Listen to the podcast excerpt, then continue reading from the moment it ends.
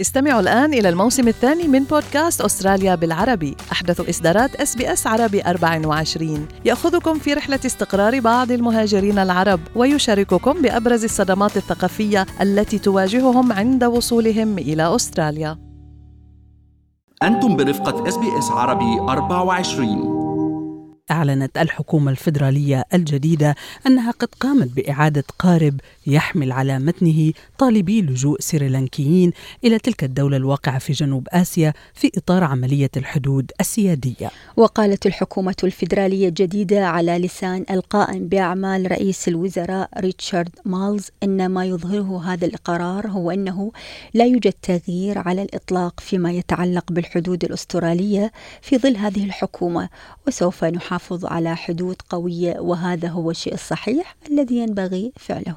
وفي ردود الفعل على هذا القرار عبر المتحدث باسم الهجرة في حزب الخضر السناتور نيك آه، مكيم عن الإحباط من قرار الحكومة العمالية الجديدة وقال إن الأستراليين قد صوتوا للتغيير ويستحقون أفضل بكثير من استمرار مخجل لسياسة سكوت موريسون الوحشية بحسب تعبيره. وكانت سياسة الحدود قد أصبحت إحدى نقاط التنافس في الحملة الانتخابية التي استمرت ستة أسابيع وحتى في اليوم الذي توجه فيه الأستراليون إلى صناديق الاقتراع في جميع أنحاء البلاد. نعم كان سكوت موريسون رئيس الوزراء آنذاك قد أعلن يوم الانتخابات الأسبوع الماضي أنه تم اعتراض القارب الذي تم إعادته مؤخرا وهو في طريقه إلى أستراليا وانتهز الائتلاف الفرصة لتحذير الناخبين برسائل نصية من أن اختيار حزب العمال سوف يعيد هذه القوارب مرة أخرى ويهدد حدود أستراليا. وقد أمرت حكومة رئيس الوزراء الجديد أنتوني ألبانيزي بإجراء تحقيق في سبب خرق قوة الحدود الأسترالية لسياستها الخاصة وإصدارها بيان إعلامي حول قارب طالبي اللجوء في يوم الانتخابات وما إذا كانت هنالك ضغوط سياسية من الائتلاف السابق. للحديث عن سياسات الهجرة واللجوء في ظل الحكومة الجديدة. يسعدنا أن ينضم إلينا في هذه الساعة محامي الهجرة والناشط الحقوقي السيد باسم حمدان. مرحبا بك. معنا أستاذ باسم بالبرنامج. يا مساء الخير لك ولجميع المستمعين. ست منال ست هناء. أهلا بك عزيزي. هناك انطباع بأن سياسات العمال في ملف اللجوء والهجرة آه، ربما أكثر إنسانية أكثر تعاطف من تلك التي ينتهجها الائتلاف. هل تتفق حضرتك مع هذا التصور وأنت آه، الممارس لمجال الهجرة ومتابع له وناشط حقوقي؟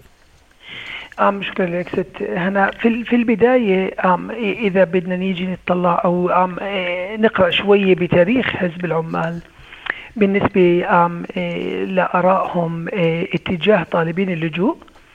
آه، بدنا نرجع لتقريبا تسع سنوات. إيه، بآخر حكومة من 2010 ل 2013 لما كانت حكومة العمال. ماسكين الحكومة. كانت الأمور أسهل بكثير من الوضع الحالي اللي موجودين عليه اللجوء طالبين اللجوء.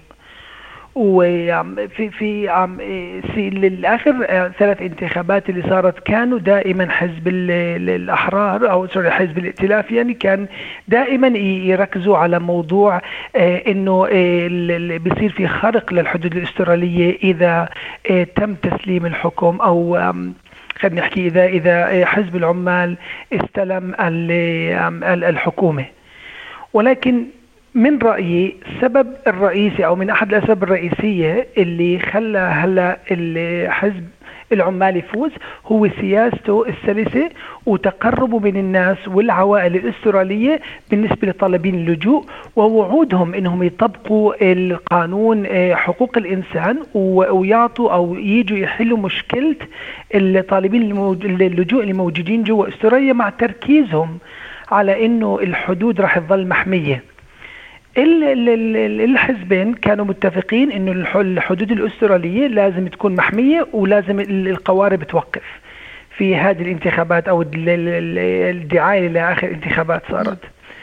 ولكن اللي فشلت في الحكومة السابقة إنهم كانوا مركزين على آه، حماية الحدود ولكن نسوا تماما آه، حل مشكلة آه، زي ما بسموهم طبعا مشكلة ما بسميها مشكلة ولكن الطالبين اللجوء اللي موجودين هنا اللي هم وصلوا على أستراليا ولسه ما أعطوهم الحكومة إقامات دائمة. نسوا هذا الموضوع وصار في عندهم هم خرق لقوانين حقوق الإنسان الدولية. واجوا هلأ حزب العمال بوعودهم قدروا أو بصراحة قدروا إنهم هم يتقربوا للناس وللعوائل الموجودين هنا ويعطوهم الوعود إنه إحنا رايحين نحل هذه الإشكاليات اللي صارت في عهد الحكومة السابقة. نعم. برأيك أستاذ باسم ما هي دلالة تعهد الحكومة العمالية الجديدة بحل أزمة العائلة التاميلية؟ آه، طالبة اللجوء وعادتهم لبلدة بيولا بكوينزلاند. هل آه، مؤشر إيجابي هذا التعهد أم مجرد يمكن خطوة من أجل كسب الرأي العام المتعاطف جدا مع هذه العائلة؟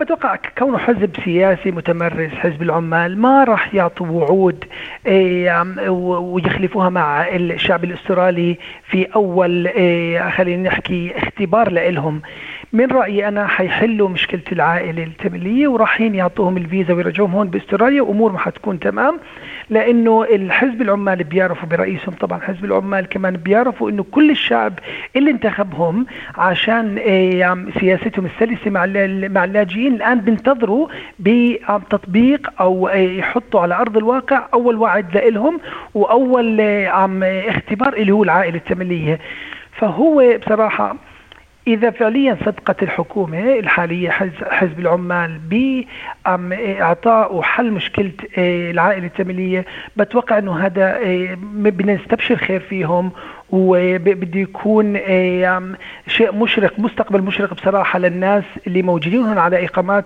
مؤقتة إنه ممكن إنه تنحل مشاكلهم ويقدروا يجيبوا عوائلهم وممكن يعطوهم إقامات دائمة.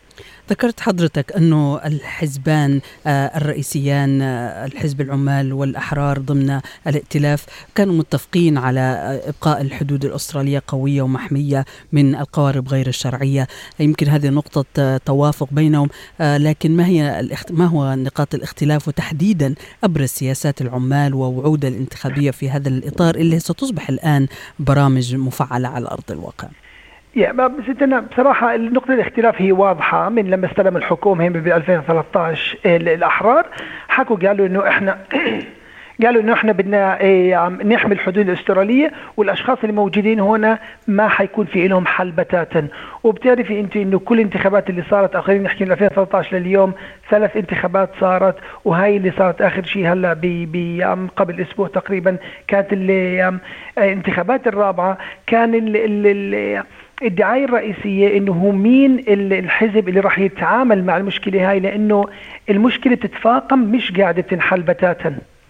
فأنا وجهة نظري اختلافهم كان انه إنه حزب العمال بعطي وعود إنه هدول المشاكلهم راح تنحل وخلص رايحين نشيل هذا الملف عن الطاولة إيه، خلينا نحكي المفاوضات.